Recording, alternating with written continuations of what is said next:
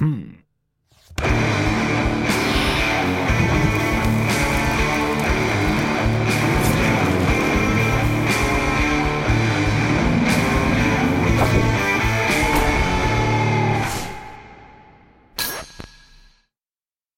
Zdravo svima, dobrodošli u još jedan Agila session. Nalazimo se ovog puta u Ovčarsko-Kablovskoj klisuri na Moravi u Tešinoj Brvnari, koju inače možete da rentate ako želite, tako da hvala puno što ste nam ustupili prostor. Link za Brvnaru ćemo ostaviti u opisu videa, a ovde smo da bismo snimili još jedan session i to vrlo poseban, kojem se beskreno radujem.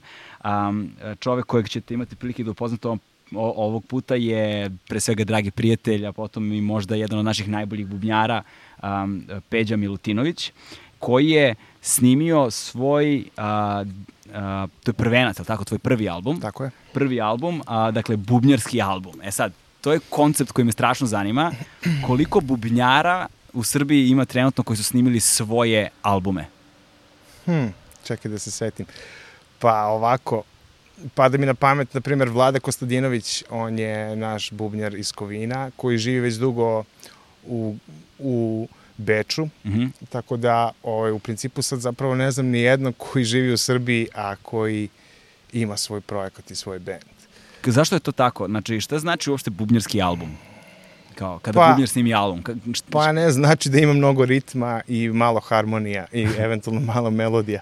Ne šalim se, pa mislim, zavisi, nemam pojma. Mene su inspirisali uglavnom ti neki američki bubnjari koji ovaj, su tako se ovaj, ohrabrili da zapravo naprave nešto preko možda hip-hopa i nekog beat makinga, mm -hmm. da zapravo sami prave neku, da krenu zapravo od, od ritma i gruva i da onda preko toga nekad i nema melodije, možda nekad i nema harmonije, ali da, da baš bude jak akcenat na ritmu.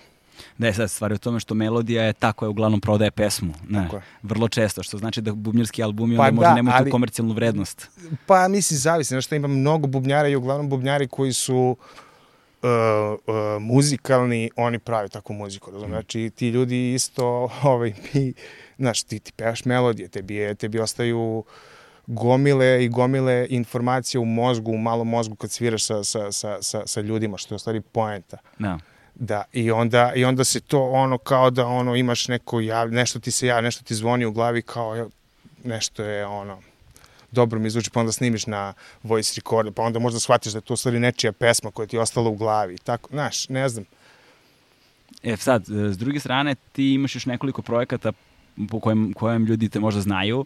Jedan je svakako Ščime trio, Tako je. to je jazz samo projekat. Samo Ščime, sad da, je, samo Ščime. promenili, da. Nije više trio, šta? Nije trio, bio je trio plus, uh, prvo je bio Ščime trio, pa je bilo Ščime trio plus one, kad je došao Sava, pa je onda bio i Rastko jedno vreme, pa smo bili ovaj, plus tu, da. sad smo samo Ščime i ne znamo da li ćemo biti ono, Dakle, Ščime trio, odnosno Ščime, zapravo ste samo ti Marko Ignjat, oj, Luka Ignjatović. Da, Marko i Luka su rođena brata, pa ih brkam, da. E, Sava Miletić svira klavir i Boris Šajnović svira bas.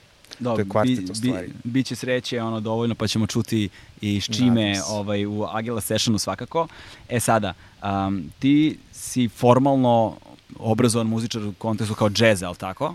Znači ti si džez, muzič, džez ba, bubnjar pa, pre svega. To je, to je zapravo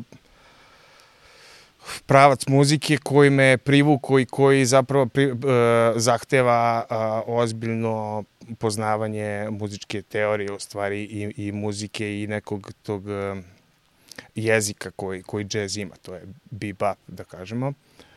Ovaj, uh, znaš, to je kao neka forma sa kojom ti možeš lako da se sporazumeš sa, sa ljudima postoje neke, neke, ne, neki standardi koje, koje ti moraš da znaš, koje moraš da naučiš, to su pesme preko kojih improvizuješ. Mm -hmm. I u principu to je ta neka baza koju svako od nas treba da ovaj, zna ako hoće da se bavi džezom. I onda sam preko toga u stvari tako posmatraš i, i, i slušaš i neke druge muzike i onda nekako možeš da raščlaniš neke stvari i kažeš aha, ovo, ovo, ovo, znaš. Da. Da ih dekonstruišeš Jazz je više zapravo. kao pristup u stvari nego što, što, je, što, je, što je pravac, što je, što je ono, muzika sama po sebi. Ja bih više rekao neki improv, znaš, da se Da, ti da. snađeš u, u nekoj situaciji, u nekom prostoru. Sad, na primjer, ovde je sound takav kakav, ja ću da se adaptiram na ovaj zvuk koji imamo ovde. Luka će isto posle da svira. Mi ćemo u tom trenutku da napravimo nešto Da. na da. što nas inspiriše ovde, da je to ovaj prostor ili taj zvuk ili ljudi koji nas slušaju, šta god. E sad tu me još nekoliko stvari zanima, pa da čujemo svirku, jel te? Super. Ovaj, pa čekaj. da i kao još jedva čekaš da prestaneš da pričaš. Ne, da. pa okej, sad već. Ovaj, um, a, a, zapravo ti dolaziš iz porodice ono bubnjara, tebi je i Ćale bio Tako je. bubnjar, tako i deda ti je Dede bio. je svirao orgulje, a pradede je svirao u vojnom orkestru, ono, perkusije, timpani, doboš i svirao i trubu, čak to mi Da. kaže Ćale. Znači genij u porodici Pa izuzetno da, jak. da, da, baš sam imao tu sreću da sam od malena ovaj, imao u kući set bubnjeva i ćaleta koji se isto, mislim on i dan danas posvećen tome, ovaj, vežba i svira i ima koncerte, tako da baš je bilo gotino da ti to bude igračka od malena i da posle ono Da. postane baš ozbiljna stvar. E, obično kada sviramo, kada sviramo, kada snimamo a, a, muzičare, a, kao prvo pitanje za bubnjara je kao da li sviraš na klik, jel te, jer, jer svaku pesmu treba snimiti iz više tejkova, da bi iz više uglova, da bi mogo posle u monta, kao montažnu sekvencu da ih pokriješ, jel te, u montaži kada sečeš i lepiš. Problem je u tome što kada ne sviraju, jel te, tačno baš kako treba, onda kada sviriš dva, dva ili tri teke nikad nisu u potpunosti isti, je. ne možeš lepo da ih To je izmontiraš. lepota.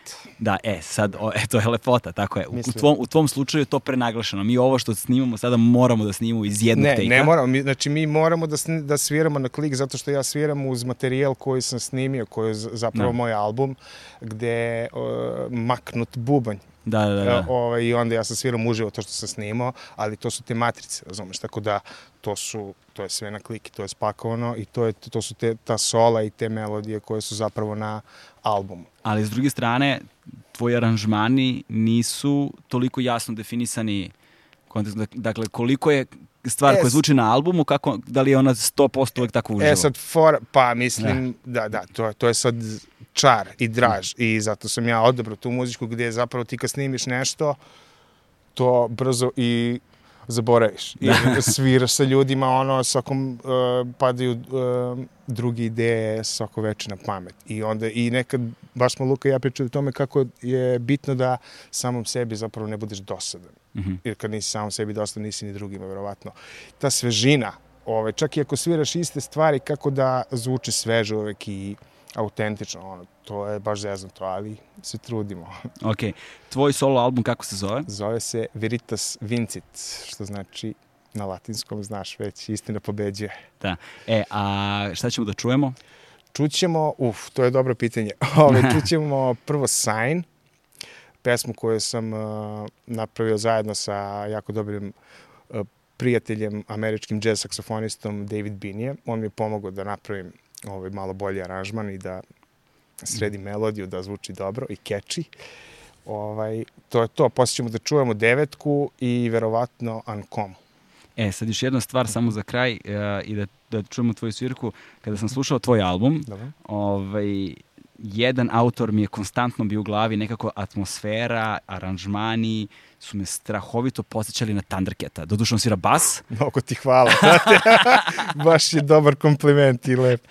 Pa da, šta je fora, taj njegov bubnjar je ono jedan od mojih omiljenih dramera, Justin Brown, čiji album me isto inspirisao jako i ohrabrio da, da isto ovaj, eh, napravim svoje nešto. Da, o, de, definitivno me Thundercat, taj njegov zvuk i to, ali to je više mešavina tog nekog hip-hopa i soula i, i, i, i džeza, naravno koji se meni jako dobro, baš je urbano, brate, Da. baš je dobro, baš je za, za, za mlade ljude, nije ono, džez može da bude nekad onako, pogotovo ako je loš, ono, učmo i nekako, onaš, sve nešto fali. Ovo je, brate, sveže, ono, i dobro zvuči na, na mislim, ja sam bio na, na koncertu, to, to je razglas koji puca, razumeš, brate, to zvuči, ono, veliko.